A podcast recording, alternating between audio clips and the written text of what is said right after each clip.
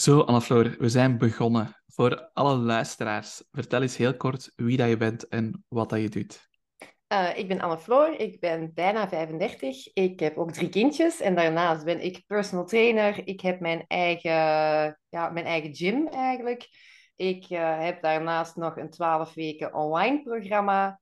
Ik heb nog de ambitie om online één op één te gaan coachen. En ik denk dat het dat in een notendop zo is wat ik doe. Ik denk dat dat meer dan genoeg is, hè? een eigen gym, een online programma en drie kindjes. Ja. Dat is al uh, een hele boterham. En uw eigen gym, kun je daar iets meer over vertellen? Wat is een beetje het concept van die eigen gym? Uh, mijn missie met de gym was eigenlijk laagdrempelig krachttraining aan kunnen bieden, omdat ik merkte, ja, je kon tijdens corona, mochten we niet sporten, merkte dat je heel veel dingen kon doen, maar een van de dingen die je niet makkelijk kunt doen thuis, zonder materialen, is krachttraining. Ja, en moeilijk. ik heb echt, echt een fitness gemist daarin. Um, ook het laagdrempelige heb ik altijd gemist. Ik heb overal altijd het gevoel gehad dat ik me eerst moest opkleden om te gaan sporten. Uh, dat het meer kijken was, uh, wie is hier en, en allee, er zijn om er te zijn. En dat is iets wat ik weg wilde halen. Dus mijn prijzen zijn redelijk democratisch. Ik heb hele ruime openingsuren. En uh, ja, iedereen is eigenlijk gewoon welkom in mijn gym, van beginner tot doorwinterde bodybuilder, zeg maar. Oké, dus, dus een heel brede doelgroep dan voor de offline PT. PT is het een PT-studie of is het echt een fitness? Het is echt een gym en daar geef ik zelf gewoon nog mijn personal training in. Dat is momenteel niet mijn, mijn hoofddoel om te doen, dat dat niet te combineren valt om, om heel veel uur per dag PT te geven en die gym op te starten. Maar uh, in principe is mijn doelgroep voor de gym is echt uh, heel breed, ja. Mag ik vragen hoeveel leden dat je hebt in uw gym? Uh, momenteel zit ik uh, begin de 170 leden. En ik ben okay. nu net anderhalf jaar bezig. En mijn doel was 150 op anderhalf jaar. Dus dat, dus dat je is op zich wel een mooie, een ja. mooie indicatie. Oké, okay. proficiat alvast met het halen van het eerste ja. doel. En je zei daarnet ook al van, ik wil het online stuk misschien een beetje meer gaan uitbouwen en daar ook meer coaching gaan geven. Waarom precies dat stukje online? Um, omdat ik, ja, ik voel me heel vaak onnuttig als ik een personal training al vaker gegeven heb. Klanten kennen hun, eh, weten waar ze mee bezig zijn. Dus ik focus me dan liever op de dingen waar ze vaak meer hulp bij kunnen gebruiken. En dat is in het thuisgegeven, dat is in het gegeven mindset, dat gaat over die voeding. En ik merk als je klanten één op één bij u hebt, dat gaat ook terwijl de training en dat komt er ook bij. Maar ik merk dat online daar veel meer ruimte voor is, omdat iemand dat op zijn eigen tijd kan doen. En ik kan dat zelf plannen op mijn eigen tijd en zeggen, ah wel, dan ga jij feedback krijgen. En uh, op die manier toch wat meer impact of op die manier meer te kunnen aanleren aan mijn klanten door betere okay. successen te gaan boeken. Dus misschien een stukje dat je niet altijd hetzelfde moet herhalen, maar dat je dan ook iets kunt opnemen en dat dan aan alle nieuwe klanten kunt meegeven. Ja. Een soort van starterstrike of zo, kunnen we het noemen? Ja, ook zoiets. Zoiets bijvoorbeeld, ja. ja. En voor jezelf ook, ik hoor een stukje tijd, je agenda ben je zelf kunnen bepalen. Dus flexibiliteit is voor je ook wel een belangrijk stuk om aan te werken. Klopt. Oké. Okay. En uw eigen gym, nog, nog één vraag die ik daar zeker over wil stellen. Je zegt, wij zijn heel vaak open, we, zijn heel, we hebben heel flexibele openingsuren. Staat jij dan altijd zelf, of heb je ook mensen in loondienst en zo verder? Of... Uh, ik heb niemand in loondienst. Ik heb het tot een paar maanden geleden altijd allemaal alleen gedaan. Uh, ik ben dus eigenlijk, om te kaderen, ik ben open door de week van 5 uur s ochtends tot 11 uur s avonds. Okay. En in het weekend ben ik van 7 uur s ochtends tot 4 uur s middags open. Maar ik heb een toegangssysteem. Ah, uh, okay. ik, werk eigenlijk, ik werk met een app, dus mijn gym ja. is deels met begeleiding, deels zonder begeleiding open. En uh, momenteel heb ik dus twee dames die zelfstandig mee groepslessen voor mij geven. Maar tot op heden doe het merendeel de gym doe ik alleen. Dus voor de groepslessen heb ik nu twee dames die mij okay. af en toe bij kunnen staan. Het is wel handig, zo'n systeem met, uh, met een poortje en met een soort van barcode waarschijnlijk dat je kunt ja. gebruiken. Ja. Okay. En voor degenen die zelf een PT-studio of een gym hebben, die ook een gelijkaardig systeem zouden willen opzetten, met welke partner werk je daarvoor? Wat is de ah, naam van... Club Planner. Volledig werk ik met clubplanners samen voor mijn ledenadministratie, mijn toegangsbeheer, uh, camera's. Dus eigenlijk hangt alles in één bundel. Dat was voor mij ook heel belangrijk. En zij leveren ook die poortjes aan? Ja, ik heb eigenlijk een schuifdeur met een QR-code-scanner. Dus mijn uh, schuifdeur gaat echt alleen open wanneer er een geldige QR-code wordt gescand. Oké. Okay. Super. Bangelijk ja. systeem. Ja, dat is moest, ik, moest ik ooit een PT-studio open doen, zou ik ook sowieso zoiets, zoiets installeren. Absoluut. Mm -hmm. Oké. Okay. Goed, leuk. Leuk om u al wat beter te leren kennen. Want voor alle duidelijkheid, voor die mensen die luisteren, we hebben elkaar nog nooit eerder gesproken. Hè? We kennen elkaar gewoon van sociale media. Je had gereageerd op mijn vraag van, hey, wie zou graag een keer op de podcast komen? Ja. En dit is eigenlijk de eerste keer dat we elkaar spreken. Ja, klopt. Ja, alleen nog via DM, omdat ik wel altijd interesse heb in wat je doet, maar er geen tijd momenteel nog voor kan vrijmaken om het eh, te is- volgen en toe te passen. Dat is allemaal geen enkel probleem. Nu, de vraag voor deze podcast was ook, wat zijn de zaken die je graag anders zou willen zien binnen uw business of binnen uw leven op dit moment? En dat zou dan eigenlijk het topic van deze podcast gaan vormgeven. Je had drie zaken opgeschreven. Enerzijds meer structuur, Mhm. anderzijds een betere kijk op je cijfers en als derde puntje ook meer impact creëren. Ja. Als ik u nu zou laten kiezen, welk van die drie is voor u het belangrijkste vandaag? Ik denk die structuur, zodat ik zelf wat meer rust ga kunnen vinden in alles wat ik doe. Want ik denk dat de rest daar ook een logisch gevolg van gaat zijn. Dat ik meer ruimte vrij ga krijgen om die dingen ook op punt te stellen. En zijn er zaken waar jij spontaan aan denkt op gebied van die structuur, waar je echt zegt van daar ontbreekt voor mij nog een stuk structuur? Zijn er bepaalde activiteiten die, die misschien niet helemaal gestructureerd verlopen? Eh, de combinatie van het allemaal vind ik zelf een hele moeilijke. De combinatie van eh, het weten van ik geef groepslessen en die afspraak en die afspraak en dat eigenlijk allemaal samen in één geheel kunnen gieten is moeilijk. Plus uit die verschillende dingen komen natuurlijk ook altijd vragen of dingen die dat je nog, ja, waar je nog gevolg aan moet geven. En dat is ook een hele moeilijke om bij te gaan houden, hoe meer dat dat, eh, dat, dat wordt. Ja, en als je, als je aan 170 eh, klanten zit, er komen wel eens wat vragen binnen, je volgt je allemaal nog zelf op. Ik, Ja. ik kan het mij heel moeilijk voorstellen hoeveel werk dat is, want ik heb zelf nu... Wij zitten met PT Boost momenteel vandaag op exact 80. Ik heb Mhm. nog een mail uitgestuurd naar mijn actieve leden. 80 personal trainers en dan nog wat teamleden van die personal trainers. Dus het zullen er misschien bijna 100 zijn. Want we hebben ook een paar coaches waarbij we het team ook begeleiden. En, allee, ik moet het je niet vertellen, maar al die mails dat je dan binnenkrijgt, al die WhatsApp-berichten, als je dat alleen al elke dag doet, zet je gemakkelijk toch al twee uur kwijt. Allee, zo is dat voor mij toch, toch heel lang geweest. Dat je echt Ja. wel eh, veel tijd aan investeert. Dus alleen al dat stukje. Nu, daar structuur in brengen tussen het coachen, het stukje administratie en al uw andere taken. Ehm mag ik eens luisteren bij u? Wat doet je nu al, voor ik je advies ga geven dat je misschien aan toepast? Ik heb wel een paar ideeën in mijn hoofd, dingen die ik met u zeker wil delen. Maar ik wil eerst bij u een keer luisteren. Wat zijn de dingen die je nu al doet om dat meer gestructureerd te laten lopen? Ehm, heel weinig eigenlijk actief. Ik maak heel veel to-do-lists. Ehm, op die manier, ik, ik, ik doe gewoon constant brain dumps, elke dag bijna. Om alles wat er toch een beetje in mijn hoofd zit eruit te kunnen gooien. En op die manier toch visueel al te kunnen gaan schrappen. Ik merk dat dat handmatig heel fijn werkt voor mij. Ja. Want online agenda's heb ik moeite mee. Dat is, ik heb mijn app zit mijn agenda in van de groepslessen en de PT's. En omdat er ook eh, mijn beurt afgetrokken worden door die agenda en door die groepslesinschrijvingen heb ik die ook echt nodig. En die kan ik niet handmatig koppelen. Dus dat geeft mij elke keer nog een... Mag ik een- daar een- op ah in... ja, dus, ik kan hem niet automatisch koppelen, sorry. Dus handmatig weer een stapje om dat toe te voegen. En ja, dat ik- is momenteel te veel. Mag ik daarop op inpikken, Anne-Floor? Mhm. Ehm, wat dat jij nu zegt, heb ik ook lang zo gedaan. Maar ik ben heel benieuwd hoe dat je het aanpakt. Heb je dan vaste blokken per week die dat je vrijhoudt voor personal training en voor groepslessen?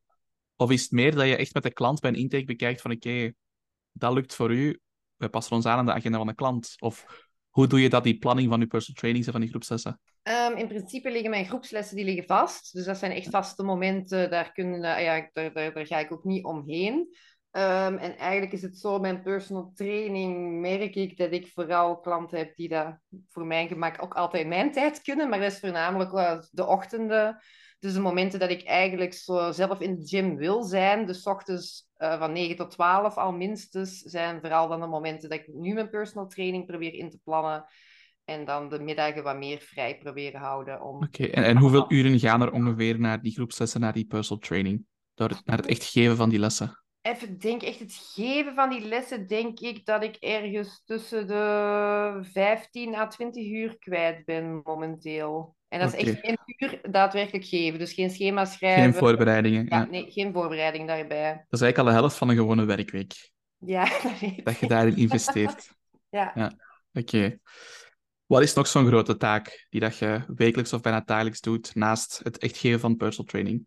Ehm, dat is toch wel eigenlijk het beheer van de gym. Eh, dus dat is, ik poets zelf nog altijd. Ik weet dat dat iets is dat ik heel snel moet gaan weg- wegdoen, want ik kan meer verdienen dan dat het me kost. Maar dat zijn ook zo van die dingen. eh, ik poets mijn gym momenteel nog zelf. Ik hou alles zelf bij. Ehm, ook, ehm, ik heb een ijskastsysteem, een soort mini-bar systeemprincipe waar mensen hun drankjes kunnen opschrijven, dat ik het Ja. achteraf nog ga verwerken. Dat zijn zo van die dingen die dat ik echt elke dag zou moeten doen, maar die dat er steeds vaker tussendoor schieten en die dat steeds vaker een paar dagen op de lange baan worden geschoven.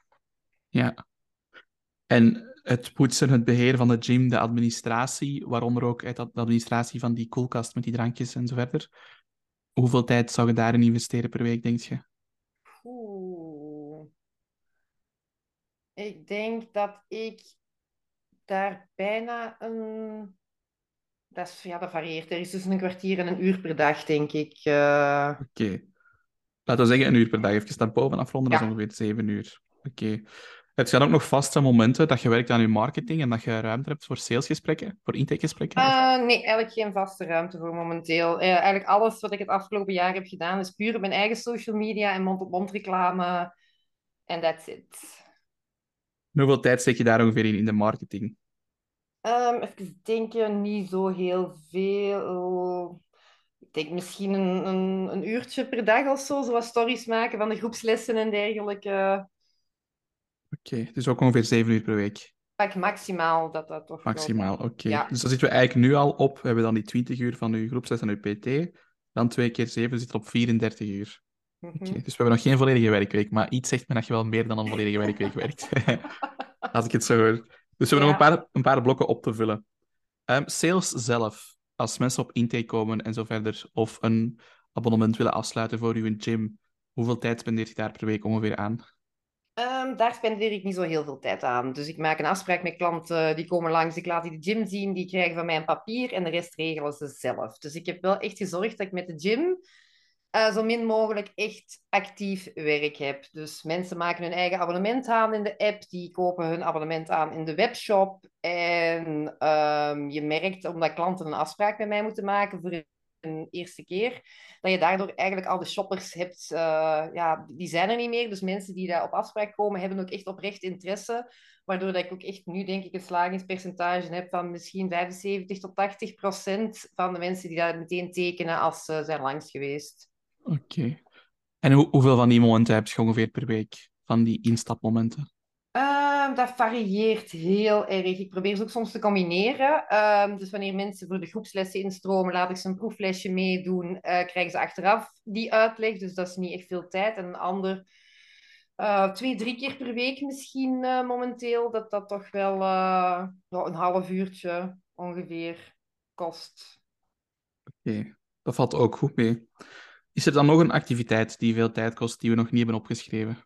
Ehm, ik denk dat een 12 weken programma, sowieso dat opvolgen, dat is nu de eerste keer, dus dat vraagt meer werk dan dat het hè, een tweede of een derde editie zou zijn. Dat is uw online programma toch, voor Ja. alle duidelijkheid? Oké. Ja. En hoeveel klanten heb je daar nu momenteel in? Ehm, daar zitten nu 14 dames eh, 14. in. Ja. Er zijn er een paar al iets minder actief van geworden, want we zitten ondertussen in week 9, maar we zijn denk ik nog altijd zo. van 10, van 10 man of zo, dus dat is nog best wel mooi eh, eigenlijk. En hoeveel tijd steek je daarin per klant per week? Ongeveer. Ehm, op zich, ja, omdat ik nu ook nog mijn presentaties een beetje aan moet passen en nog heel erg een beetje aan het zoeken ben, ook met de feedbacks en zo, denk ik dat ik daar eh, misschien twee, drie uur per week toch wel mee kwijt ben. per klant. Nee, nee, totaal, totaal. Totaal. Oké, Ja. Oké, dan zitten we al ongeveer aan 40 uur. Goed. Ik vind het gewoon eens een leuke oefening om een keer op te sommen wat dat je allemaal doet. Want zo zie je dat er toch wel veel dingen bij komen. Je denkt van, ah, je, hebt, je hebt marketing, je hebt sales, je hebt je, je gym, je hebt je administratie. Maar er zijn nog heel veel andere taken die ook moeten gebeuren als ondernemer. Waar je niet altijd bij stilstaat hoeveel tijd het eigenlijk kost. Mhm. Nu, een van de leukste oefeningen die ik ooit, of een van de meest, ehm, een van de opdrachten die het meeste impact heeft gemaakt bij mij in een van mijn eerste business coaching trajecten, dat was de opdracht van de ideale week. Ik weet niet of dat u iets zegt. Weet je wat dat ongeveer Ja, is? ja, iets vaag. Doe me dat iets rinkelen, maar leg maar uit. Ik ben heel benieuwd. Dus de ideale week, het, het woord zegt eigenlijk een beetje hetzelfde, of de opdracht, de naam van de opdracht zegt een beetje zelf, is dat je voor jezelf een keer gaat bepalen van, hey, ik als persoon, ik als personal trainer, ik als coach, ik als ondernemer, hoe ga ik mijn week gaan indelen? En je gaat dan even geen rekening met je klanten. Je gaat gewoon voor jezelf bepalen van, oké, op welke dagen wil ik personal training geven? Op welke dagen wil ik mijn administratie gaan doen? Wanneer ga ik mezelf beschikbaar maken voor intake- of instapmomenten? Wanneer ga ik tijd maken voor mijn marketing? En dat je dan eigenlijk inspeelt op je, ja, op je eigen ritme als Mhm. ondernemer. Je hebt personal trainers die heel graag s ochtends vroeg beginnen en direct hun PT-sessies achter de rug hebben. Ik denk dat jij daar ook onder valt, als ik je dat net hoorde vertellen. Ja. Je hebt personal trainers die het liefst van al gewoon in de namiddag beginnen en dan tot s'avonds laten hun PT-sessies afronden. Maar het mooie van de opdracht is dat je echt gaat nadenken van oké, hoe ziet mijn ideale week eruit? En dat is echt waar. Uh, Floor, toen ik die opdracht voor de eerste keer maakte, was voor mij zo'n eye-opener van oké, ik ga nu al mijn taken die ik nodig heb om mijn bedrijf te runnen, ga ik in blokken Mhm. gieten. En toen viel mij pas op hoeveel tijd ik eigenlijk extra werkte, wat dat eigenlijk niet nodig was, of, of met dingen bezig was, wa- was die echt niet nodig waren. Mhm. Dus heel veel eh, tijd, heel veel werktijd waar ik geen focus had. En door echt in blokken te werken, merk ik ook dat ik veel productiever ben. Mhm. Bijvoorbeeld op mijn maandag. Maandag staat echt een blok van vier uur voor marketing. Ik weet dat ik dat maandag al gedaan heb, dat ik de rest van de week gewoon makkelijker kan posten. Mhm. En dat is eigenlijk de opdracht van de ideale week, dat je dat voor jezelf kan inplannen en dat je daar ook rekening houdt met tijd voor jezelf, tijd om je batterijen op te laten. Vrije tijd. Ja, dat, is ook iets wat we soms vergeten. erg. Is dat nu heel erg, die vrije tijd? mis dat heel erg. Ja, het Ja. begint nu na anderhalf jaar eh, toch minstens zes van de zeven dagen te werken. En eigenlijk ben je die zevende dag ook gewoon nog aan het werken, want de fitness is open. Dus als er iets is, ben ik wel gewoon paraat. Mhm. Merkte wel, ja, vrije tijd is iets wat een mens nodig heeft. Hè? Tijd voor zichzelf, tijd om na te denken. Me-time, ja. Ja. Oplaadtijd. Ja, Maar dat heb je nu eigenlijk niet, als ik het zo hoor. Ja, behalve mijn trainingen en met mijn eten bezig zijn. En natuurlijk geef ik heel veel tijd aan mijn kindjes. Hè. Dus elk vrij moment probeer ik zo min mogelijk te moeten en heel veel ja, te mogen. Maar laten we zeggen dat uw huishouden en uw huis daar ook niet zo heel blij van worden. Dat ook nog, ja. Dat, ook komt er ook nog, bij. ook bij. Ja, ja, ja. Dus ik denk dat dat sowieso een leuke opdracht is om eens te maken voor jezelf, Mhm. Floor. Echt eens Ja, alles in blokken te gaan delen. Dus je begint eigenlijk met een lijst te maken van je kerntaken. Je kerntaken gaan er iets anders uitzien dan een online coach en ook iets anders dan een personal trainer, want je hebt je eigen gym. Mhm. Maar schrijf één keer op, wat zijn de zaken die elke week moeten gebeuren? Bijvoorbeeld in totaal vier uur marketing, vier uur voor mijn, voor mijn intakegesprekken of mijn instapgesprekken, Ehm, zoveel tijd voor administratie, dan uw blokken voor personal training, maar dat je dan echt ook gaat nadenken van, oké, wanneer wil ik personal training geven? Mhm. En op basis daarvan kun je dan eigenlijk week per week je planning ook gaan invullen. Ja. Moest ik je mijn agenda laten zien, dat is maandag tot en met donderdag heel duidelijk afgelijnd. Mhm. Vrijdag is een open dag voor projecten. En als ik geen zin heb om te werken, dan werk ik vrijdag niet. Zaterdag Mhm. en zondag doe ik ook alleen maar het hoognoodzakelijke of neem ik gewoon vrij. Dat is niet altijd zo geweest. Mhm. Maar ik werk in principe nu de laatste weken minder dan 40 uur. En mijn bedrijf draait gewoon netjes door. Ja. En ik heb heel lang ook mijn me-time of mijn oplaadtijd verwaarloosd. Dat had een hele negatieve impact op mijn mentale gezondheid, op mijn relaties, Mhm. op mijn fysieke gezondheid uiteraard ook. En dat is een beetje eigen aan ondernemen, want je wilt natuurlijk wel groeien, je wilt progressie maken. En, en je bent ondernemer ergens vanuit die natuurlijke behoefte voor, voor groei Mhm. en jezelf uitdagen. Maar het is zo belangrijk dat je zelf blijft soigneren. Dus ik zou zeker een keer die oefening maken en daar ook genoeg rekening houden met je, met je vrije tijd. Mhm. Ja, ik denk ook dat dat een goeie is, want ik voel vaak dat 24 uur op een dag veel te weinig zijn voor mij en dat kan heel Ja, en- veranderen. En een tweede reden waarom dat zo belangrijk is, ik kan het niet genoeg benadrukken, is ook omdat je dan makkelijker je dag kunt afsluiten. Ja. Want hoe vaak wilt je stoppen om vijf uur en heb je zoiets van, goh, ik zou dat nog kunnen doen. Ja, ja ik, En- oh, dat heb ik altijd. Altijd, ja, een, een ondernemer heeft altijd meer ideeën dan tijd om ze uit te werken. Dat is, dat is het cliché, dat is ook echt zo. Mhm. is naar mijn ondervinding. En door die ideale week te schetsen en voor jezelf te bepalen, ik ga zoveel uur aan dat werken, zoveel uur aan dat, kun je in principe ook makkelijker zeggen van oké, ik heb nu die uren gewerkt. Mhm. Nu kan ik stoppen met een gerust gevoel. Morgen is een nieuwe dag. Ja. En voor mij persoonlijk heeft dat ook heel hard geholpen om echt te kunnen afsluiten. En soms zelfs een keer vroeger te kunnen stoppen. Mhm. Het tweede puntje, of een tweede tip die ik zeker wil meegeven, is... ehm, ik heb recent, en dat is echt heel recent, ik heb de laatste eh, drie maanden een cursus gevolgd rond structuur en systemen. Mhm. Dus in dat opzicht komt deze podcast op een heel goed moment. Ehm, en ik heb leren werken met Notion. Ik weet niet of je Notion kent. Nee, dat ken ik niet. Oké, ik zal straks een documentje met u delen. Dat is normaal enkel voor onze studenten, maar ik zal het even met u delen. We hebben eigenlijk een hele checklist uitgewerkt, waarmee dat je lead kunt opvolgen, waar Mhm. dat je kunt kijken eh, wat uw dagelijkse to-do's zijn, uw wekelijkse to-do's zijn, en dat je voor jezelf eigenlijk met lijstjes kunt werken die je gewoon kunt afvinken. Mhm. En je zei daarnet ook, ik werk heel graag op papier. Ja, Ik heb ook heel lang op papier gewerkt, mijn to-do-lijstjes gewoon opgeschreven, omdat ik Ja, het heel ja, leuk vind om af te vinken of te prioriseren. Je? Zo'n klein dopamine-shotje elke keer als je een taak afgewerkt hebt. ja, ja. ja. Eh, en, en ook daarom snap ik ook een stukje met de papieren agenda. Ehm, ik ben nu geswitcht naar Notion sinds een aantal weken. Ik denk zes weken ondertussen. Sinds het einde van de cursus ongeveer, of sinds het midden van de cursus. En de cursus heb ik twee weken geleden afgerond. En een heel simpele opdracht, weer al, ik hou van simpel, maar iets wat ook goed werkt, is aan het begin van elke dag uw MIT bepalen. MIT staat voor Most Important Task.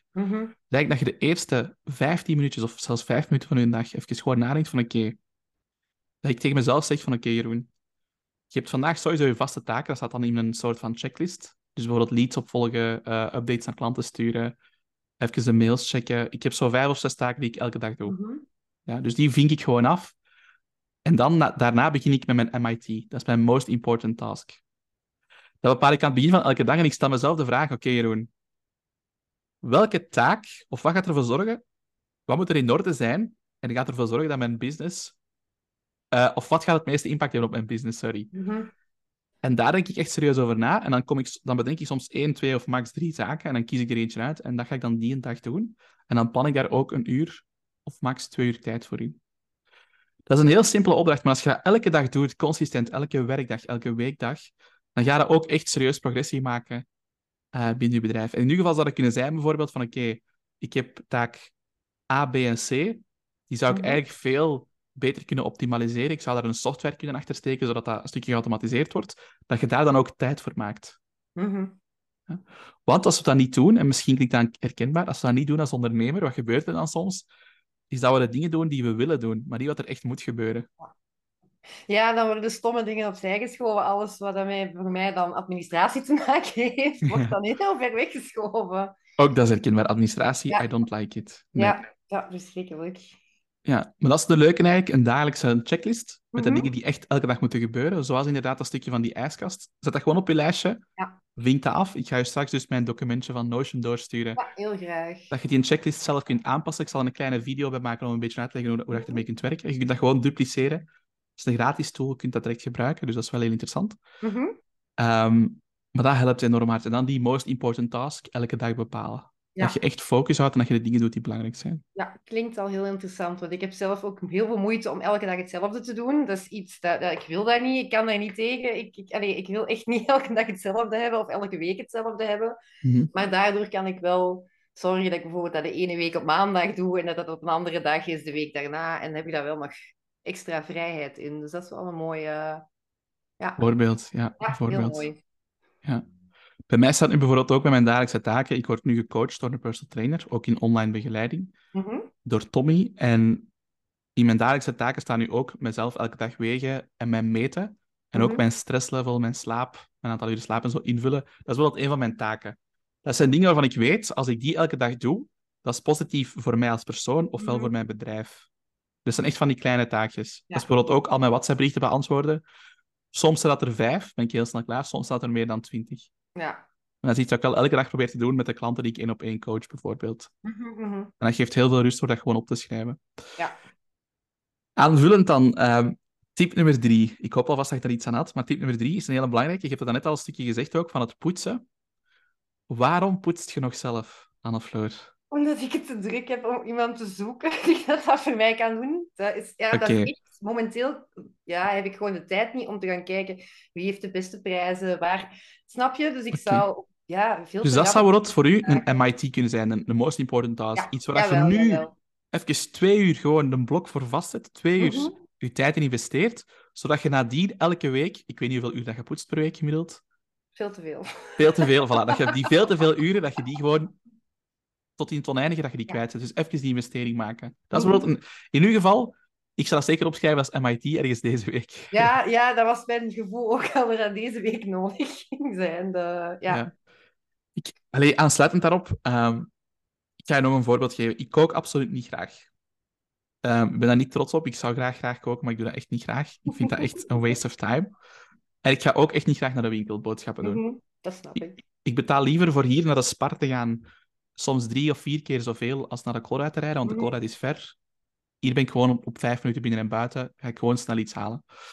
Nu, sinds kort koop ik mijn maaltijden, zeker omdat ik nu bezig ben met mijn eigen programma ook, ehm, met mijn coach dan, ehm, koop ik zo van die voorbereide maaltijden van Fuel Your Body, Nederlands Mhm. bedrijf. En dan bestel ik er ineens, deze keer had ik er 40 besteld, dus dan kan ik weer een tijdje voort. Ja, super gemakkelijk, gewoon in de microgolf steken, na een paar minuten is dat klaar en je hebt te eten. Mhm. Je kunt niet geloven, Anne-Floor, hoe lang ik dat uitgesteld heb. Ik Ja. dat eigenlijk al super lang doen, maar ik heb nooit de tijd genomen, zoals jij net zei, om te gaan onderzoeken van oké, welke bedrijven hebben kwaliteitsproducten, welke bedrijven hebben een goede prijs voor wat dat ze leveren.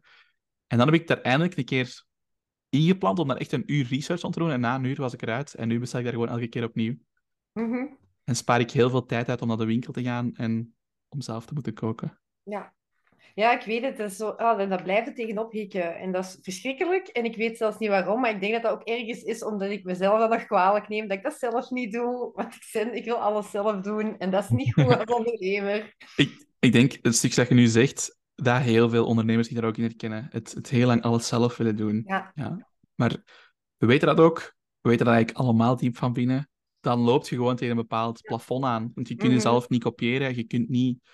Je, je hebt maar zoveel uren in de week dat je kunt werken. En je hebt ook die me-time nodig om te kunnen ontspannen en je batterijen op te laden. Ja.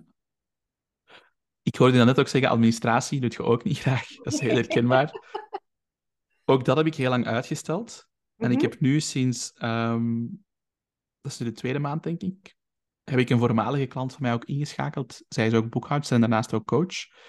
En zij biedt nu ook naar ondernemers een eh, soort van administratieve ondersteuning toe. Ja. Of aan, liever.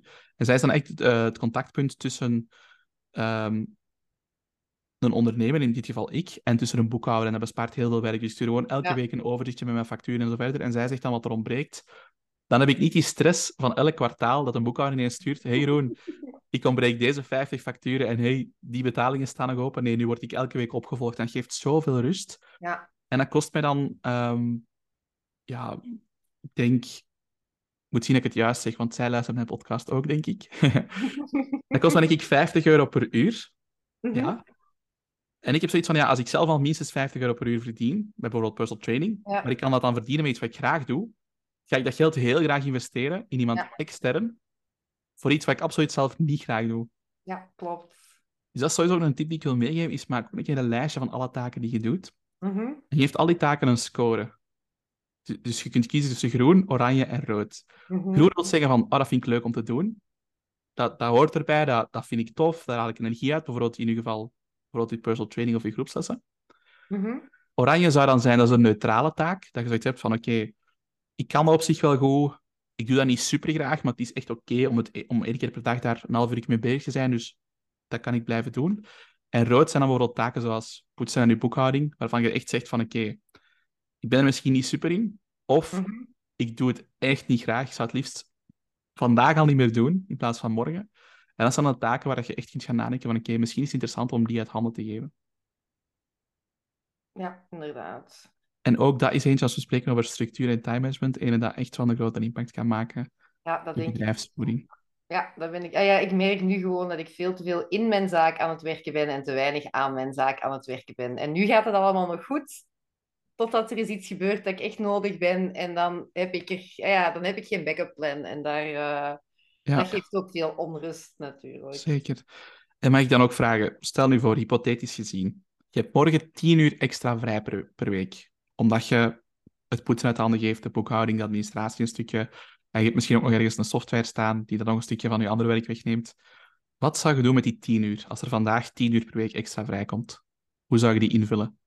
Goh, ik ga dan toch... Ik, ik zou vrije tijd moeten zeggen, maar ik ga dat toch op mijn zaak steken.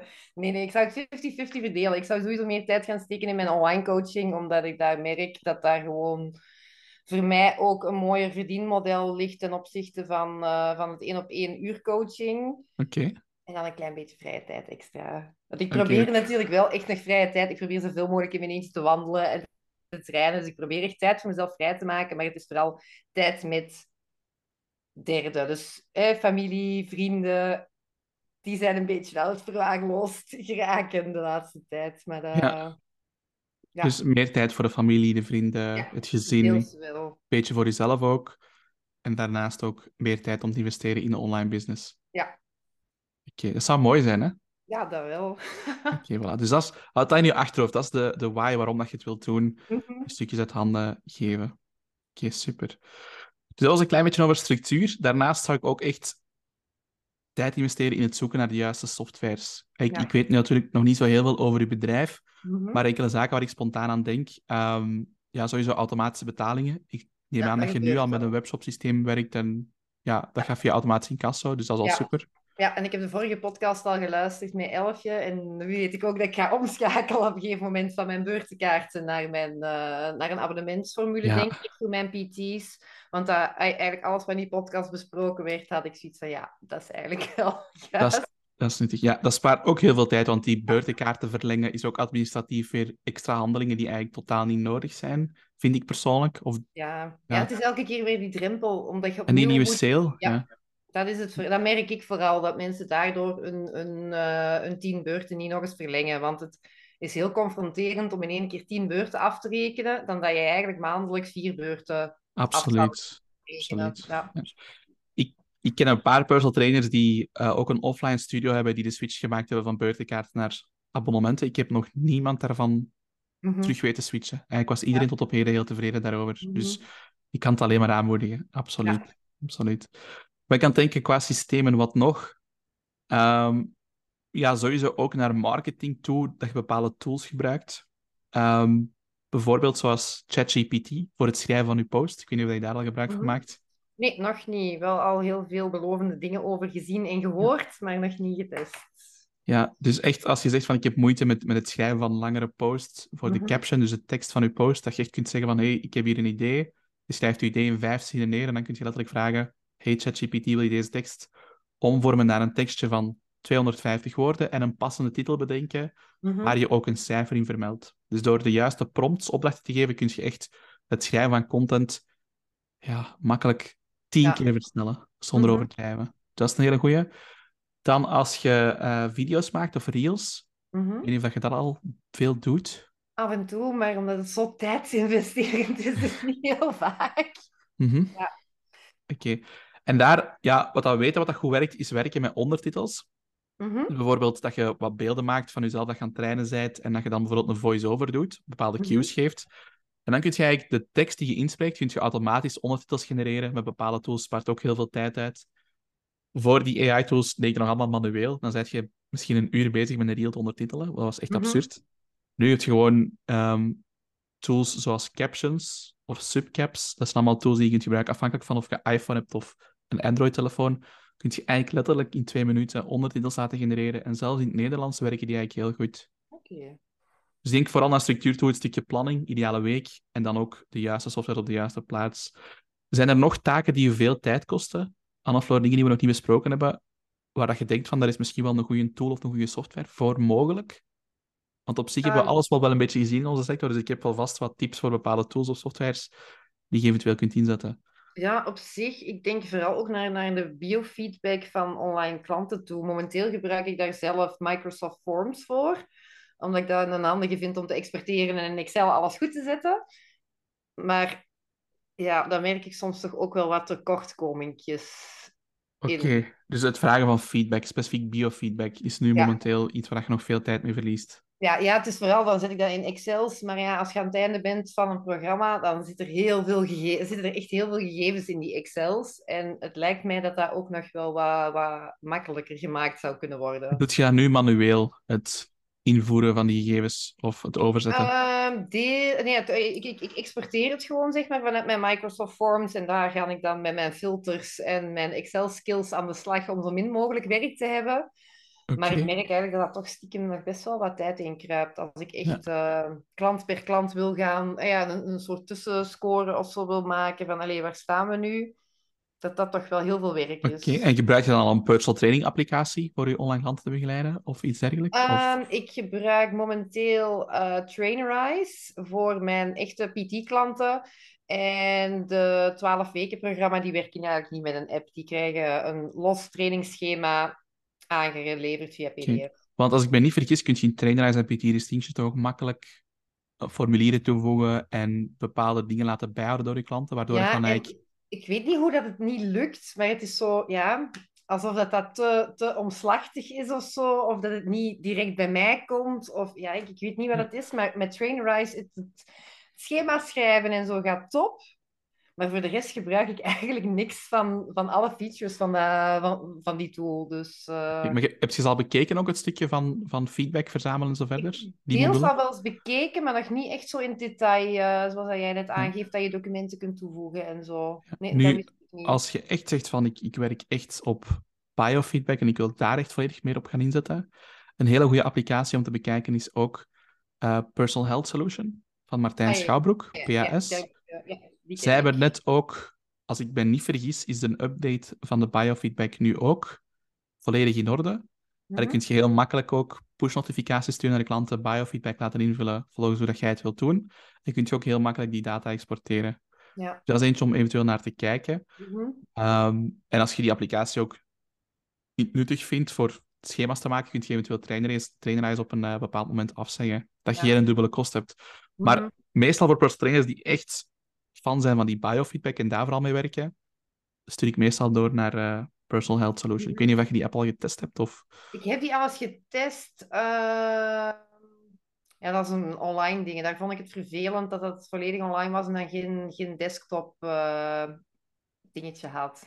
Dat, uh, ja, dat is heel stom, maar dat is ook zoiets belangrijks. Als coach bedoelt je geen ja. desktop Ja, dat vind ik op een of andere manier toch altijd wel fijner werken dan... Uh, ik heb een heel klein laptop dat ik hem overal mee naartoe neem. Uh -huh. En dan is er zo'n groot scherm. Ja, dan merk je gewoon, dat is, visueel is een desktop en voor mij veel makkelijker on the go. Oké, okay. dat snap ik. Dat is een goed argument. ik weet ook niet of ze al ondertussen al hebben, dat zou ik eens moeten checken. Nee. Ja. nee, maar er kan inderdaad heel veel in die app. Dat heb ik inderdaad toen ook al gezien, dat daar ook... Uh, ja, ook gewoon naar, naar wegen, metingen, uh, ja. caliper, uh, vetmetingen en dergelijke ook allemaal mooi toe te voegen zijn. De, ja.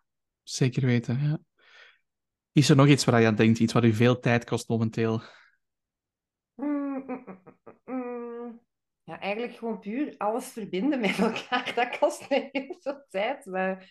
Gebruik je al een tool voor om verschillende softwares te koppelen? Uh, nee, eigenlijk nog niet echt. Oké, okay, de beste tool daarvoor is Zapier. Ik zal hem ook even typen in de chat. Dat is Z-A-P-I-E-R. Ik denk dat je kunt starten met een abonnementje van uh, eh, 29 dollar per maand ongeveer. Mm -hmm. Maar je kunt dus bijna alle softwares koppelen. Okay. Ik ga je een voorbeeld geven wat we bijvoorbeeld doen met zo'n uh, met zo'n tool. We hebben dus personal trainers die hun product ook gewoon verkopen via een webshopsysteem met abonnement, net zoals bij jou. Mm -hmm. Als een klant een eerste betaling doet, kunnen wij via Zapier ook een automatische e-mailsequentie sturen met elke week een check-in formulier. Super handig, want dat moet je niet meer manueel doen. Wat we ook kunnen doen, is bijvoorbeeld um, de gegevens van die klant gebruiken om automatisch een account te maken in PT Distinction of in Trainerize. Mm -hmm. En dan mhm. krijgen die klanten zelfs automatisch ook een startprogramma toegewezen. Ja. Dus alles van de aankoop tot de onboarding, tot de check-ins, tot de mhm. start van het programma, dat kan eigenlijk allemaal geautomatiseerd worden met een tool zoals Zapier. Ja. Dat is ene keer een tijdsinvestering om te ontdekken hoe dat, dat juist werkt en hoe dat je dat moet opzetten. Mm -hmm. En dat is zo intuïtief, dat is zo goed gemaakt, die tool, dat dat, dat stuurt gewoon data door aan verschillende ja. tools naar elkaar. Dat is echt fantastisch. Oh, geweldig. Dat is een van... Allee, als ik met, wij hebben meer dan 25 softwares lopen binnen PT Boost. Mm -hmm. Zapier is echt top 5, zonder fout. Bespaart ons zoveel werk. Ja, ja. ik ben heel benieuwd naar. Ja. Dus die wil, die wil je zeker eens... Ik zal straks ja, die wil ik zeker bekijken. Die wil je absoluut eens bekijken, ja. Je kunt je voor heel veel tools gaan inzetten. Ja, um, nog iets waar je aan denkt? Mm, mm, mm, Op zich, de rest is voor mij vooral heel intuïtief. Het zou ook leuk zijn om daar wat meer, op een duur wat meer gestructureerd mee bezig te kunnen zijn. Maar ik zeg het, ik denk dat dat een gevolg is van alle andere dingen. Als ik meer structuur ga brengen, ja. Dat ik ook al mijn andere zaken weer meer op punt kan gaan stellen. En... Maar intuïtief is het niet altijd slecht. Ik, ik, zie, ik vind het leuk dat je dat even aanhaalt, want wij zijn nog altijd mensen, wij zijn geen robots. En ik Mhm. ben zo'n beetje tegen heel die beweging van de perfecte ochtendroutine voor ondernemers, eh, de perfecte slaaproutine. Ehm, je moet zoveel uren werken, want anders ben je geen echt ondernemer. Ik ben daar zo hard tegen aan de floor. Want. We zijn in de eerste plaats mens, wij zijn gevoelenswezens. Wij maken al onze keuzes eerst op gevoel en dan gebruiken we ons rationeel brein om te verantwoorden. Dat is gewoon zo. Heel veel studies naar gedaan. Maar is het, het is niet per se negatief om intuïtief te ondernemen, want kijk waar het u al gebracht heeft. Ja, het heeft u op anderhalf jaar al naar een gym gebracht met 170 leden, uw doel was 150. Dus je bent al met dat intuïtief ondernemen, zijt je al redelijk Mhm. ver geraakt. Dus ik zou dat niet per se als iets slechts zien. Nee, dat niet. Maar je merkt wel dat dan, omdat je heel erg vanuit passie gaat ondernemen, dat je het heel moeilijk is om op een duur je grens aan te geven. Omdat jij constant met iets bezig bent wat dat jouw hobby en, en jouw grote liefde is in het leven, Ja. zeg maar. Merk ik wel dat er af en toe wel een, een rem op moet zitten op het intuïtieve gedeelte. Ook omdat ik iedereen wil helpen, het liefst dan al gratis. Het- ah ja, dat is echt heel erg. Dat is gevaarlijk. Ja, voilà, het is daarmee. Je wilt nu iedereen helpen en je wilt klanten die dan misschien eh, een maandabonnementje hebben en zelf komen gymmen, even goed helpen als een PT. Ja, dat gaat niet vanuit dat, dat intuïtieve. Wilde Ja. dat, maar Ja. dat werkt niet zo. Nu, dan zijn we echt bezig over grenzen stellen. Ja. Ja, en En dat is vanuit intuïtiviteit wel de moeilijke, moet ik zeggen. Als Ja. je echt vanuit intuïtief... Ja, grenzen, grenzen stellen doet je, doet je niet intuïtief. Nee, Dat is echt heel duidelijk afspraken maken met jezelf, ja. maar ook naar je klanten toe. En zoals Mhm. je zegt, het kan niet zijn dat iemand die bij u in één op één personal training zit, dat die evenveel ondersteuning krijgt als iemand die in de groepslessen zit. Dat Ja. zou niet mogen. Nee, nee, nee, inderdaad. En niet alleen naar u toe om uw eigen grenzen te bewaken, maar ook omdat het anders niet eerlijk is Nee, voilà, naar de het klanten die meer betalen voor dezelfde Ja. dienst. Dat vind ik dus ook. En dat, maar daar merk ik wel dat dat af en toe... Dat je intuïtie daar zo wat tegenin gaat. eh, tegen het rationele ondernemen dan. Ja. En allee, ik ga even een voorbeeld geven. Als ik klant ben bij u en ik zit in de groepslessen en ik heb zoiets van, hey, ik betaal u 100 euro per maand voor die groepslessen en ik vraag aan u, hey Anne-Floor, ik zou graag ook een trainingsschema hebben voor thuis dat ik drie keer per week kan doen. Kunt je dat voor mij opstellen? Wat zou dan doorgaans uw reactie zijn? Eh, nee. ik, weet dat, ik zeg daar nu nee tegen. Ik heb een standaard schemaatje in de gym. Eh, die krijgen mensen gratis van mij. Dus dat is echt een standaard basic gym schema voor drie weken full body. Dat is het enige schema dat ik aan mijn klanten die niet personal training zijn gratis geef. En anders kunnen ze eventueel apart een trainingsplan aanschaffen bij mij. En dan werk Oké. ik gewoon op uurtarief. Dus op zich zegt je wel nee. Je kunt dan wel zeggen van, hey, nee, dat doen we niet. Ik probeer dat dat- steeds meer. Je probeert dat. Oké. Ja. Het, het tweede puntje is vooral ook het communicatieritme. Want daar hebben we het ook al over, over gehad met onze coaches in de groepscalls. Is heel veel coaches vinden het moeilijk om maar één keer per dag WhatsApps te beantwoorden of mails te beantwoorden. Dus we hebben coaches die twee of drie uur per dag op social media zitten berichten beantwoorden of WhatsApps Mhm. beantwoorden. Ik vind het ook meestal geen positief teken als een personal trainer. Als ik dan een bericht stuur via WhatsApp, dat die binnen het kwartier antwoordt. Dat is teken Ja. dat je eigenlijk zelden in een focusmode zit en je jezelf altijd beschikbaar stelt voor je klanten en je klanten weten dan aan een tijd. Dus daar ehm, een paar zaken die we altijd aanbevelen qua structuur naar communicatie toe is bij coachingklanten heel duidelijk afspreken via welke kanalen ze contact kunnen opnemen en ook wanneer dat je antwoordt. Dus wat is de frequentie van de communicatie? Voor de Mhm. meeste van onze personal trainers is dat ene keer via mail per week. Dus als ze op een vaste dag feedback krijgen. Mhm. Ja, en stel je voor dat je, zoals in jouw geval, Anna-Floor, als je veel leden hebt, ehm, eigenlijk vooral voor je personal training klanten, dat je echt gaat afspreken met elke klant van oké, op die een dag krijg je van mij je feedback. Dus dat je niet alles op één dag moet doen, want dan is het best wel veel. Ja. Dan, dan raakt je focus wat op en zo verder. Mhm. Dus ik heb bijvoorbeeld mijn feedbackdagen verspreid over eh, vier dagen. Dus van maandag tot en met donderdag krijgen mijn één op één klanten feedback en dat werkt fantastisch goed. Daarnaast heb ik ook een afspraak dat ik mijn WhatsApp-berichten één keer per dag beantwoord. Gewoon s ochtends het eerste wat ik doe. En als ze dan vragen hebben, ik antwoord gewoon de volgende dag nog een keer. Maar door dat gewoon in één keer te doen, hetzelfde met mails. Ik check één keer mijn mails. En als ik daar dan door ben, dan check ik dat pas een dag nadien. Mhm. Vroeger deed ik dat niet. En dan ben ik een keer mijn tijd gaan bijhouden hoeveel tijd dat ik kwijt was. Soms drie uur, drie uur en een half. Gewoon WhatsApp-berichten en mails beantwoorden. Dat is een Ja. belachelijk groot aandeel Mhm. van uw wekelijkse werktijd. Als je Ja, dat is echt zot. Als je gaat kijken, dat, dat, dat, dat is echt belachelijk af en toe, inderdaad, wat dat daar weer binnenkomt. Zijn dat dingen die jij al doet? Zo die communicatie heel goed afbakenen en dat ook batchen, zo in één keer doen? Uh, ik probeer dat sowieso. Ik merk wel dat dat met die groepslessen soms moeilijk is, omdat je daar ook wel eens last minute wijzigingen hebt. Mensen die, oh, ik ben ziek, mijn kind heeft dit. Ja, dat ik daar echt wel een beetje mijn telefoon nog in de gaten hou. Maar dat probeer ik vertaan al een half uurtje van tevoren te doen. En niet veel te vroeg van tevoren te doen. Dus dat ik daar eigenlijk maar één keer werk mee heb. Um, ik probeer wel voor mezelf uh, mijn WhatsApp op de momenten dat het mij uitkomt te beantwoorden. Dus dat ik daar wel mijn eigen tijd voor kies. Waar ik vroeger zou springen als er een berichtje binnen zou komen en bijna ambetant was als ik ergens mee bezig was, kan ik daar nu wel mee wachten. Uh, probeer ik dat ook echt wel, uh, echt wel te doen en aan te geven van, ah ja. Ja, ik hoor heel veel probeer in uw ja. Ja, ik ben heel erg mijn best aan doen. Ik ben, niet, ik, ik ben sowieso een zware ADHD'er. Dus voor mij heel veel dingen gebeuren ja. een beetje automatisch. En zeker ah, wel, en... wanneer ik het leuk vind, ja. ja. dan ben ik al bezig voordat ik het soms zelf door heb. Ik denk dat er bij u al veel winst te pakken valt in, in het stukje systemen, door bij jezelf nog betere afspraken te maken. En ook die WhatsApp-berichten, die mails gewoon in een vast tijdsblok per dag gewoon te doen. Dat je zegt, ik start met een dag daarmee bijvoorbeeld. Ik start met een dag met mijn feedbackmails naar klanten met mijn mhm. WhatsApp-bericht, want dat is voor mij het allerbelangrijkste. Dat is veel belangrijker dan marketing of nieuwe klanten binnenhalen, is mijn huidige mhm. klanten soigneren. Dus daar start ik mee, dat is echt een blok met mezelf. En pas als die taken gedaan zijn, dan start ik pas met de andere taken. En dat geeft heel veel rust, heel veel focus. -hmm. uh, maar nogmaals, ik doe dat zelf via Notion. Kan ik dat gewoon afvinken? Ja. Ik ga dat straks met u ook delen, dan het gaat ook. Super.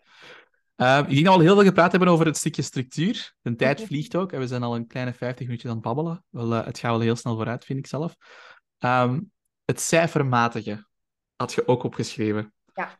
Bedoelt je dan echt specifiek zicht hebben op je cijfers, dus je businessplan ja. en zo verder? Of? Eerder naar mijn online coaching toe en dergelijke. Um, want natuurlijk, van mijn gym is heel simpel. Hè? Je hebt mensen die tekenen een contract, een contract voor een bepaalde duur. Ja, dat is echt gewoon een klein rekensommetje die ik uit mijn software trek.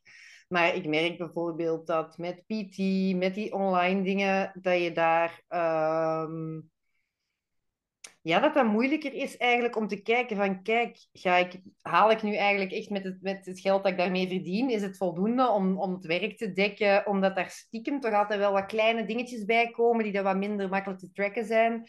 Dus mij is eigenlijk vooral die, die, ja, alles behalve mijn gym, hoe kan ik dat toch een beetje in de gaten houden om uh, ja, dat dat allemaal wel goed gaat, dat ik niet te laag zit in mijn prijzen en dergelijke. Ja. Dat vind ik heel moeilijk om te bepalen. Allee, ja. Voor, voor prijsberekening is er maar één juiste formule, vind ik, persoonlijk. En dat is echt ook gaan kijken... Je bent nu bezig met die online klanten bijvoorbeeld, hè, ja. Floor. Dat je echt gaat berekenen van, oké, ik wil minstens zoveel per uur verdienen. Mm Bijvoorbeeld 50, 60 euro per uur. Heel gangbaar tarief voor personal mhm. training. Um, je schrijft dat voor jezelf op en dan gaan berekenen, oké, hoeveel tijd spendeer ik nu gemiddeld per klant per week? Ja. Dus niet alleen de PT-sessie zelf, dat is mhm. een fout die veel personeelstrainers maken. Oh, ik vraag 50 euro per uur, want ik, ik wil 50 euro per uur verdienen. Ja, maar wat met de voorbereidingstijd? Mm Wat met de kosten van de applicatie, de kosten per gebruiker? Die trek je daar allemaal af. Ik wil mhm. dat je voor jezelf bepaalt hoeveel winst wil je maken per uur dat je aan je bedrijf werkt. En dan kun je eigenlijk allemaal gaan opsommen. Dus oké, ik wil zoveel per uur winst maken, verdienen. Mm dat hoeft natuurlijk geen 50 of 60 euro te zijn, maar dat kan wel zijn dat je zegt van oké, ik wil 30 euro per uur winst maken. Dat is nog heel braaf, dat kan zeker. Mhm. En dan gaan berekenen van, oké, hoeveel, hoeveel tijd investeer ik nu in die klant? En dan kun je voor bepaalde producten gaan zien van, oké, die prijs zit goed. En bij andere producten ga je misschien zien van, oei, ik heb die prijs eigenlijk te laag gezet, want als ik nu al die vaste kosten die ik heb voor de softwares die ik gebruik, voor die mhm. klanten te begeleiden, en ik ga kijken naar hoeveel tijd ik investeer per klant, dan mag ik bijvoorbeeld maar 10 euro winst per uur. Ja. Ja, 10 euro winst per uur, even heel cru gezegd, dan kun je beter aan de, allee, in de kloruit gaan werken aan de kassa, want daar verdient je mhm. meer. Mm-hmm. Natuurlijk, je onderneemt ook van het passie. Het gaat niet alleen over het inkomen, maar als je maar 10 euro winst maakt als ondernemer per uur, dat is, dat is echt veel te weinig. Ja. ja? Dus dat is een, een, heel, een hele leuke ook om te berekenen. Ik heb recent van die opleiding die ik net gedaan heb ook, mm-hmm. moest ik per klant gaan noteren hoeveel tijd ik spendeer aan elke klant, elke maand. Mm-hmm. En een van mijn beste klanten die mij het meest betaalt, die leverde mij eigenlijk per uur het minste op. Dus het eerste wat ik gedaan heb, is die prijs voor die klant gaan verhogen. Mm Want ik dacht van, oh, dat is een keigoede klant. Die betaalt mij x aantal per maand. Maar we daar ook, ik en mijn collega, het meeste werk mee. Ja. Als we kijken naar de uren die we per week investeren. Mm En ik heb dan klanten die bijvoorbeeld, ik zeg maar iets, 200 euro per maand betalen. waar ik totaal geen werk aan heb. En daar verdien ik veel meer aan. Ja. Dus die beste klant was eigenlijk mijn slechtste klant. Ja, ja, ja, het is dat. ja, ik weet, vanuit de bouwsector is dat dus ook iets dat je daar heel makkelijk... Ja, dat, dat is heel tastbaar. Dat is heel makkelijk om te gaan berekenen. Je hebt je uren, je hebt je materialen. Allee, ja. En ik merk toch, ja, hoe meer dat je zelf, ja, om het zo cru te zeggen, zelf een beetje het product bent of de dienst dat je verkoopt, Ja. dat dat, echt een, eh, dat dat voor mij echt een moeilijkheid eh, met zich meebrengt. Het, het gaat echt om je tijd Ja. in grote mate. Ja. En Mhm. ik vind dat persoonlijk dat te weinig berekenen en te weinig over nadenken hoeveel winst wil ik maken per uur dat ik investeer in mijn bedrijf. Mhm. En ja, ik zeg dat niet is dat- heel interessant. Ja, Ja. ja, vooral om het op die manier inderdaad eens te kijken. Want ik ben heel snel geneigd om dan te gaan zeggen hoeveel tijd spendeer ik, bla bla bla, bla. kom ik uit mijn kosten? Ja, oké, ça va. Maar om te gaan kijken vanuit wat wil ik verdienen, is inderdaad wel een beter... eh, Ja. ja. niet alleen denken hoe kom ik uit mijn kosten, maar ook Ja. wat wil ik verdienen, wil ik overhouden, dat je echt wel iets opbouwt. Ja. Als zelfstandig is dat ook heel belangrijk. Mhm. En ook wat ik net aangaf, een keer voor al die softwares ook gaan kijken, wat zijn Ja. kosten voor al die softwares? En dat dan delen door je aantal klanten, dan kun je dat ook aftrekken van wat je verdient per klant. Ja. En kun je daarop ook je prijzen gaan aanpassen. Mhm, mhm. Dus dat is zeker interessant om te doen. En voor de rest, ja, cijfermatig. Ehm, ik heb zelf een heel eenvoudig systeem, waarbij ik perfect weet hoeveel ik verdien. Ehm, je kunt dat in Excel doen, je kunt dat ook in Notion doen. Maar aangezien dat je al Mhm. met Excel werkt, is dat misschien heel interessant voor u. Ik heb gewoon een Excel-documentje ehm, met alle namen van mijn actieve klanten. En per klant staat daar ook een tabel bij met wat ik verdien per maand aan die klant. Nu, ik werk alleen nog maar met abonnementen.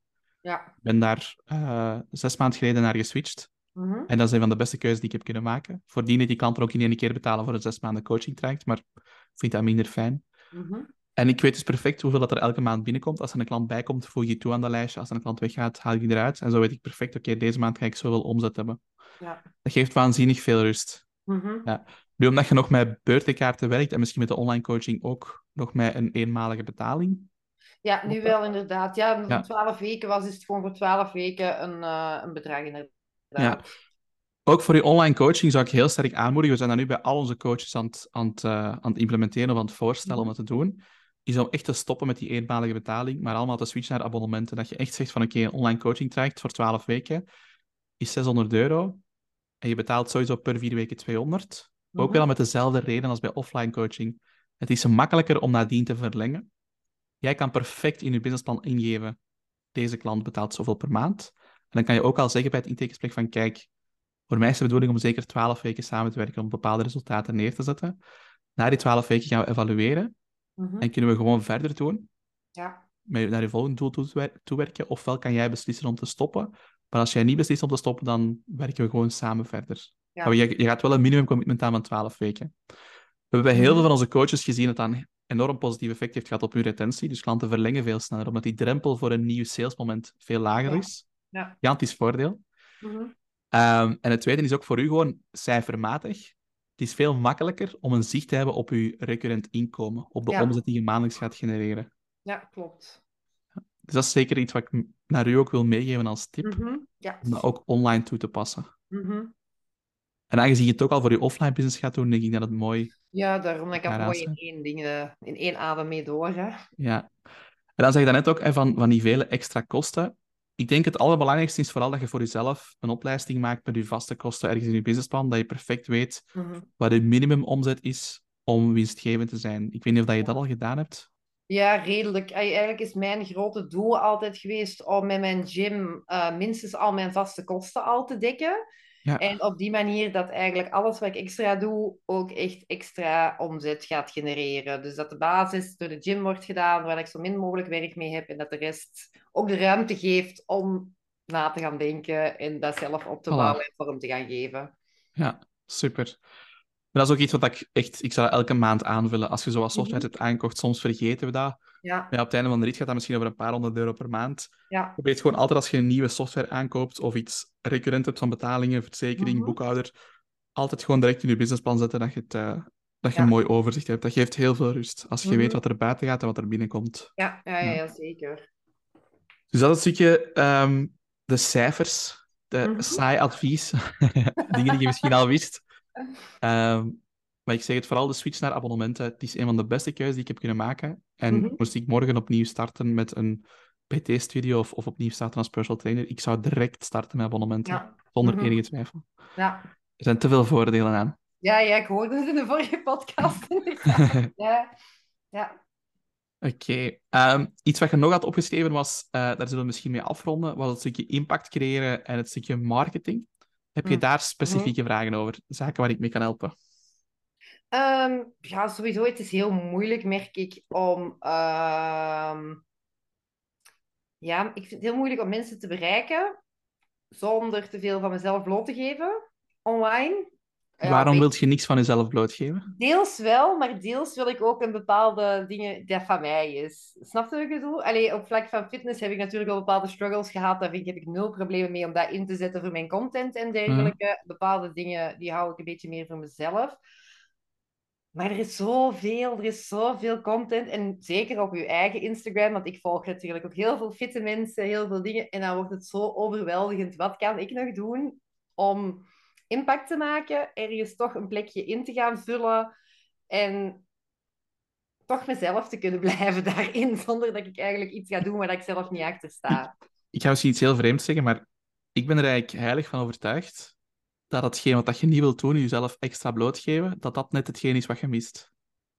Ja, ja, ik snap wat je bedoelt. Ja, Dat, net zoals ik daarnet zei van die robots, dat we zo een beetje aan het evalueren Mhm. zijn naar eh, iedereen wil te veel structuur en wil te veel zo het, eh, het plan van A tot Z volgen en er is te weinig van het buikgevoel, vind ik Mhm. persoonlijk momenteel. Hetzelfde met authenticiteit.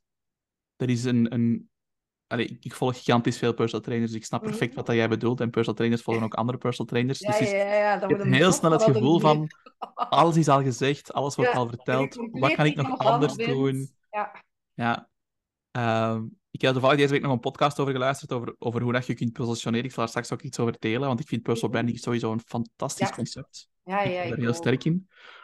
Maar ik geloof ook in, in jezelf blootgeven en die authenticiteit. En je kiest natuurlijk zelf in hoeverre dat je daar wilt in meegaan. Ik ga heel weinig delen over mijn relatie of over mijn vriendin, Mhm. omdat ik dat zelf minder leuk vind. We hebben een supergoeie relatie, we zien elkaar graag en dat gaat allemaal goed. Maar ik heb geen behoefte om constant foto's te posten met Ja. ik zie je graag en wij zijn voor altijd samen en zo. Dat zijn ook uitspraken waar ik, waar ik niet in geloof, want je weet dat nooit. Maar zwart. Eh, maar even een heel cliché voorbeeld eh, wat ik net gegeven had. Wat ik wel belangrijk vind, en dat, kies ik dan zelf, is ik wil ook de dingen delen die minder goed gaan. Want ik Mhm. maak nog elke week fouten. Ik heb nog altijd ontevreden klanten. Ik heb projecten die fantastisch gaan. Ik heb projecten die minder goed gaan. En ik vind het belangrijk om daar wel dingen over te delen. En dat is een van de dingen, geloof het of niet, zelfs als ik deel als een project slecht is gegaan, of, of een van mijn podcast-episodes waarin ik had verteld dat ik mezelf bijna in een burn-out had gewerkt, ook al ging het met de zaak heel goed Mhm. dat zijn eigenlijk vaak dingen waar dat mensen mij op aanspreken en zeggen van, Jeroen, dat moest ik even horen, hè. Want ik heb altijd het gevoel dat bij iedereen goed gaat en ik zit hier te sukkelen en daardoor voel ik me minder waardig. En dan zeggen ze van, ik hoor dat dan van u, en dan denk ik van, oké, dankjewel Jeroen dat je dat even deelt. Ja. Ik denk dat je daarmee vandaag een enorme impact kunt maken door je persoonlijk verhaal te vertellen, de weg die je hebt afgelegd. Het stukje dat je ook zei van, eh, iets van eetstories, denk ik dat je zei. Of, Ja, ik vind, ja, ik heb altijd moeite gehad met eten, inderdaad. Ja. Eh, eten, struggles, lichaamsbeeld, eigenlijk alles waar heel veel mensen heel veel last Ja. van hebben. Ja, maar heel eerlijk, Anne-Floor, daar wordt veel te weinig over gepost, hè. is dat zo? Ik vind dat wel. Ik weet dat eigenlijk niet. Ja, het is dat mee. Ik weet Misschien dat... volg jij toevallig een aantal profielen die daar heel open over zijn, maar Ja. ik zie daar heel weinig over verschijnen. Echt mensen die zichzelf op die manier blootgeven. En dat zijn ook de posts, als ik eerlijk ben, dat zijn de posts, dat is de content die ik zelf lees, die ik zelf bekijk. Mhm. Dat is mensen die echt durven zeggen van, weet je wat, ik ben zwaar in de fout gegaan, ik heb echt serieuze problemen gehad. Mhm. En dit zijn de stappen die ik gezet heb om eruit te komen. Dit is hoe ik daarmee omga. Ja. Dat, zijn, dat is ook de content dat mij raakt. En dat is het mooie aan Mhm. marketing. Door je verhaal te delen, door te zijn wie dat je bent in de puurste vorm dat je kunt, Mhm. gaat je ook mensen aantrekken die bij u passen. Ja. Bij u als Ja, coach. ja, ja, dat is zeker. Ja. ja, in real life merk je dat inderdaad. Alleen op social media. Ik vind dat... Het is, het is en blijft een moeilijk ding, want ik heb er heel weinig mee. En allee, ik vind het op zich een leuk gegeven, hè, maar ja, dat blijft toch echt nog een hele moeilijke om daar echt... eh, En wat is dan uw grootste uitdaging? Is het ideeën bedenken? Is het, zoals je zegt, jezelf nog wat meer durven blootstellen? Ik denk blootstellen deels. En ehm even denken, ja, hoe moet ik het uitleggen? Ik hou niet van aandacht. dat is heel stom. Dat is een interessante. Ja, ik hou niet zo van aandacht. En ik kom als mens ook vaak helemaal anders over dan dat ik eigenlijk ben. Omdat ik heel veel ben door mijn ADHD en chaos en zo. Maar ik ben eigenlijk een heel erge introverte extravert. Oké. Dus ja, dat is, dat is een hele moeilijke om dan op social media iets, iets te gaan posten. Want ik lees dat en dan denk ik, allee, kom aan. Wat loopt jij nu te zeuren? Ja. Ik Ja. neem mezelf precies niet serieus. Of ik, ja, ik weet het niet. Ik stel mezelf constant in vraag, waardoor dat ik het dan uiteindelijk niet goed genoeg vind. En toch weer ergens bevestiging ga vragen. En...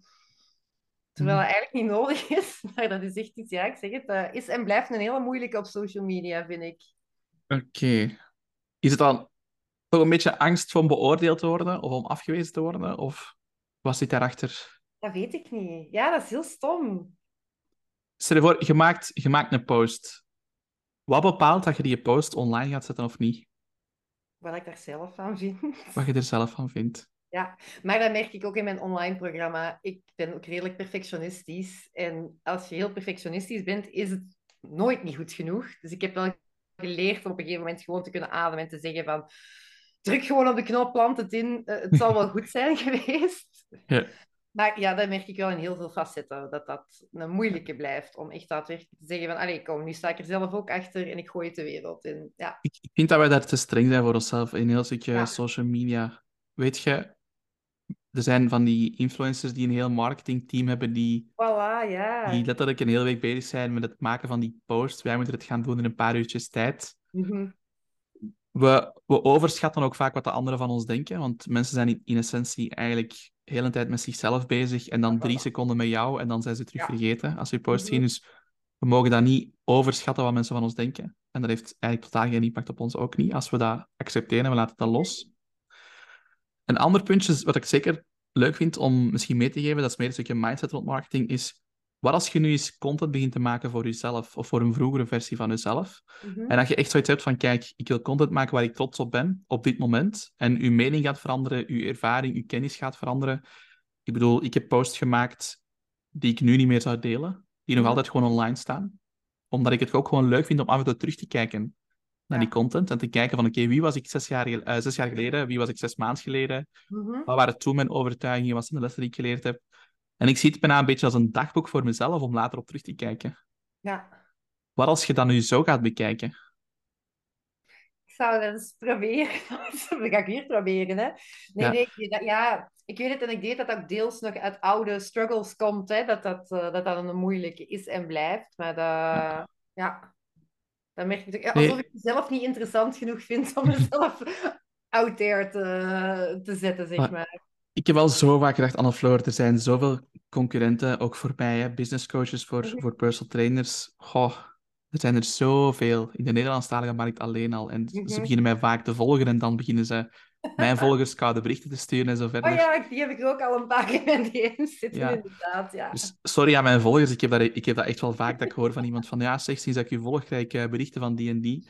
Ja, ik kan daar niet zo heel veel aan doen, helaas. Ehm, ja, en, en ja, als ze graag koude berichten sturen, mogen ze dat doen. Ik vind dat zelf een verschrikkelijke marketingstrategie, maar goed, dat is een ander verhaal. Ehm, maar het punt dat ik wil maken is, goh, ik denk dat iedereen wel eens aan, regelmatig aan zichzelf twijfelt. Bijna iedereen. Mhm. Eh, en ik heb dat zeker ook al regelmatig gehad, dat ik ook al dacht van, oei, is die post wel goed genoeg? En kan ik me wel genoeg onderscheiden, want bij die nieuwe coaches zitten toch wel een paar ambitieuze mannen die het ook wel goed doen en begint zo al snel zo aan jezelf te twijfelen. Hè? Mhm. Uiteindelijk, ik ben nu zeven jaar aan het ondernemen en dat komt altijd wel goed op een of andere manier. Jij bent ook al even bezig. En dan Ja. denk ik ook van, ja, als het op deze manier al altijd gelukt is, waarom, waar, van waar komt die twijfel dan? Laat dat toch gewoon los? Ja, ja, ik weet het. Dat is eh, de moeilijkste. Dat is een hele moeilijke. Ja, dat is dat hele is moeilijke. de grootste struggle die, eh Maar- die er is. Het allerbeste advies is echt gewoon ook plezier vinden in je marketing. Door dingen die je leuk vindt. Ik vind dit soort gesprekken heel leuk. Ik kan dat opnemen als podcast. Ik Mhm. film mezelf hier met mijn gsm naast mij. Dus ik, ik kan dat doorsturen naar mijn vriendin. Mijn vriendin kan daar dan wat reels uit maken. Ja. Ik ga mijn vriendin ook inschakelen voor dat stukje, want dat stukje doe ik zelf niet zo graag, het editen en zo. Maar ik maak wel echt heel graag content. En ik ben ervan overtuigd dat iedereen wel een bepaalde manier van content Mhm. leuk vindt om te maken. Ja. En ga een keer op zoek bij jezelf van wat zijn dingen die ik graag doe. Als jij ook graag, zoals dit, gewoon gesprekken doet met klanten. En klanten, zoals je zegt dan hè, coachen op gedrag, coachen op mindset. Mhm. Waarom nodig je een keer geen klant uit op gesprek en doet je een live coaching sessie? Je filmt die sessie Ja. en uit die ene sessie kun je misschien 20, 30 stukjes content knippen Mhm. die je dan kunt herverdelen op verschillende social media platformen. Mhm. Dat is voor u leuk om te doen Ja. en het spaart heel veel werk uit omdat je in ene keer dan stukje langere content maakt, dat je dan kunt herverdelen op verschillende platformen. Mhm. Oh, dat is ook een leuke, ja. Want wat vind jij leuk eh, van soorten content? Wat maak je graag van content? Ehm, dingen die mensen niet leren. Dat vind ik altijd een leuke. Maar ja, niet iedereen zit op social media om iets te leren. Dat is een nadeel. Ik wel, maar ja, ik ben een, een unicum daarin, denk ik. Eh, wat vind ik nog leuk? Ja, echt. Ja, ik zeg het eigenlijk gewoon de basis waar ik iemand iets mee kan bijbrengen. Iets waar dat iemand iets uit kan halen. eh, dat hij zoiets heeft van, oh, dat wist ik nog niet. Of, oh ja, dat heeft mij nu wel geholpen. Iets waar dat, ja... Oké, dus vooral value content. En Ja, we noemen dat value posts, waarbij dat je kennis deelt, zaken waar je ideale klant ook iets, iets mee kan doen. Ja, eigenlijk dat denk ik meer Ja. dat, eh, dat, dat ik leuk vind om... eh, ik merk ook bijvoorbeeld dat ik de presentaties maken en inspreken en zo in mijn dingen, dat ik dat eigenlijk heel leuk vind. Had ik eigenlijk niet verwacht Ja. dat ik dat tof zou vinden, maar ik vind dat heel leuk Kijk om eens aan. daar... Ja. Ja. Oké. Ehm, misschien kan ik daar nog op inspelen door wat ik net wou vertellen van die podcast die ik recent geluisterd had. Mhm. Dat, zijn, dat waren twee dames die waren als gastspreker op een marketingpodcast en die doen niks anders dan mensen helpen om hun personal brand op Instagram op te bouwen. En hun grootste tip was eigenlijk echt ook vooral van probeer niet alles voor iedereen te zijn. Probeer, niet te, Mhm. probeer geen content te maken om iedereen binnen uw doelgroep te gaan pleasen. Dat zie ik ook heel vaak gebeuren bij personal trainers. Eh, als dan, eh, COVID was een mooi voorbeeld, ik heb het al vaker gezegd op de podcast, maar ik ga het nog eens herhalen. Tijdens COVID was iedereen ineens loopcoach en fietscoach, omdat iedereen begon te lopen en te fietsen. Ja, ja. En dan drie maanden later waren ze daar weer volledig mee gestopt. Dan heb je even een boost in klanten, maar op lange termijn heeft er dat eigenlijk niks opgeleverd qua brandbuilding of, of, of naar je klantenbestand toe. Dus dat is wel jammer dan. Ja. En wat dat zij dan zeiden is van, wij vragen al onze klanten om echt hun focus te vinden in hun marketing. En ze moeten van ons drie contentpijlers bedenken. En die Mhm. contentpijlers, dat zijn de zaken waar dat zij voor willen staan. Ja, bijvoorbeeld zeggen van als voorbeeld, ze had een kindje geadopteerd, ze, ze kon zelf niet zwanger worden, eh, en ze had ook gekozen om een eh, bewust alleenstaande moeder te zijn. Of een bewust ongehuwde moeder, een, eh, een bom, zoals ze zeggen. Ja. Ehm, en zij zijn dan bijvoorbeeld een van mijn contentpijlers, waar ik graag over praat, is het mama zijn. Dat is een van mijn pijlers waar ik elke week een post over deel. En ze zei, Mhm. daardoor bouw ik een enorme connectie op met andere moeders. Dus dat is een van haar contentpijlers. heeft niks met business te maken. Ja. Mhm. En de twee andere pijlers waren wel over business. Eentje was denk ik dan rond, rond ehm, haar Instagram-expertise, wat natuurlijk haar core business is. En dan het derde was rond sales of iets dergelijks. Ja. Dus gewoon eens voor jezelf ook nadenken. Wat zijn mijn contentpijlers? Wat zijn Ja. de zaken waarvoor ik wil staan? Mhm. Wat maakt mij zo uniek? Ja.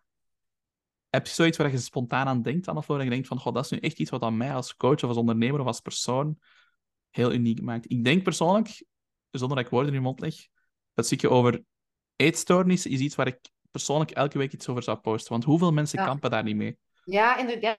Ja, dat heb ik ook gemerkt. Toen heb ik één keer inderdaad mezelf toch wat blootgegeven. En daar heb ik ook heel veel reacties op gehad. Het is veruit ook de meeste, de post met het meeste bereik geweest. En waar Tuurlijk, ik zelf ook het meeste... omdat je blootgeeft wat aan mensen raakt. Ja. Ja, ja, ik weet het. Maar toch is het moeilijk.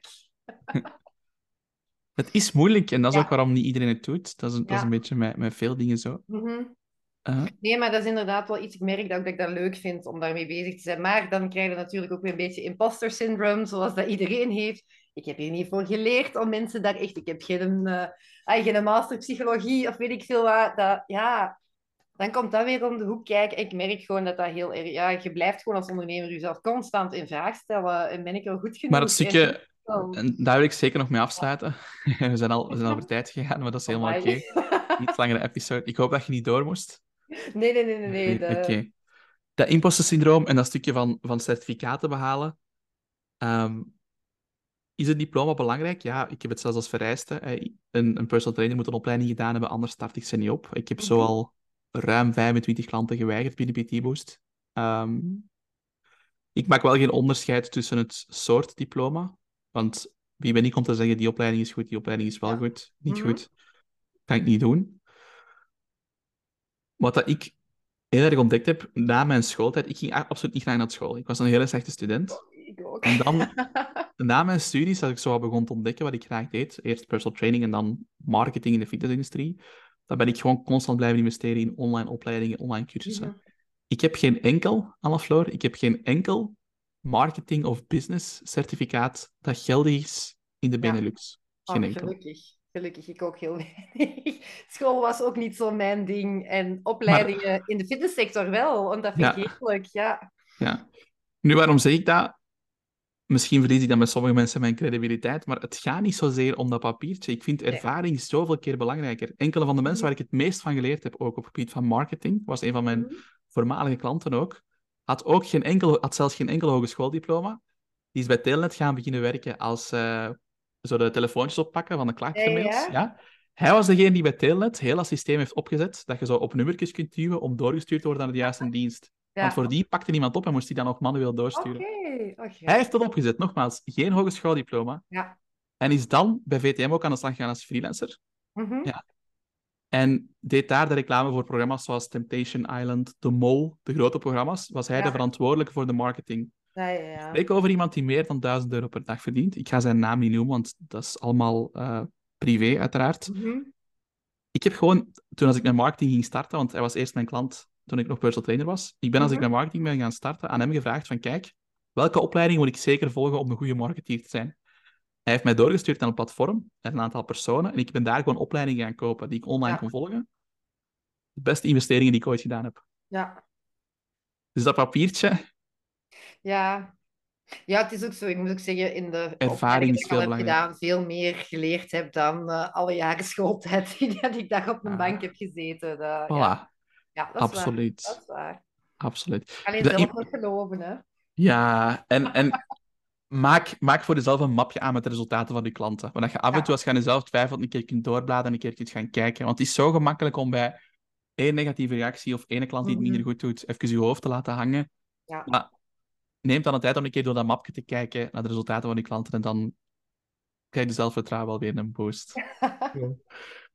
Eh Anne Floor, ik ga je afronden, want anders gaan we een heel lange podcast ja. hebben. Eh, niet dat ik dat erg vind, maar het moet nog haalbaar zijn voor de mensen om te luisteren. Voilà, Eh, inderdaad.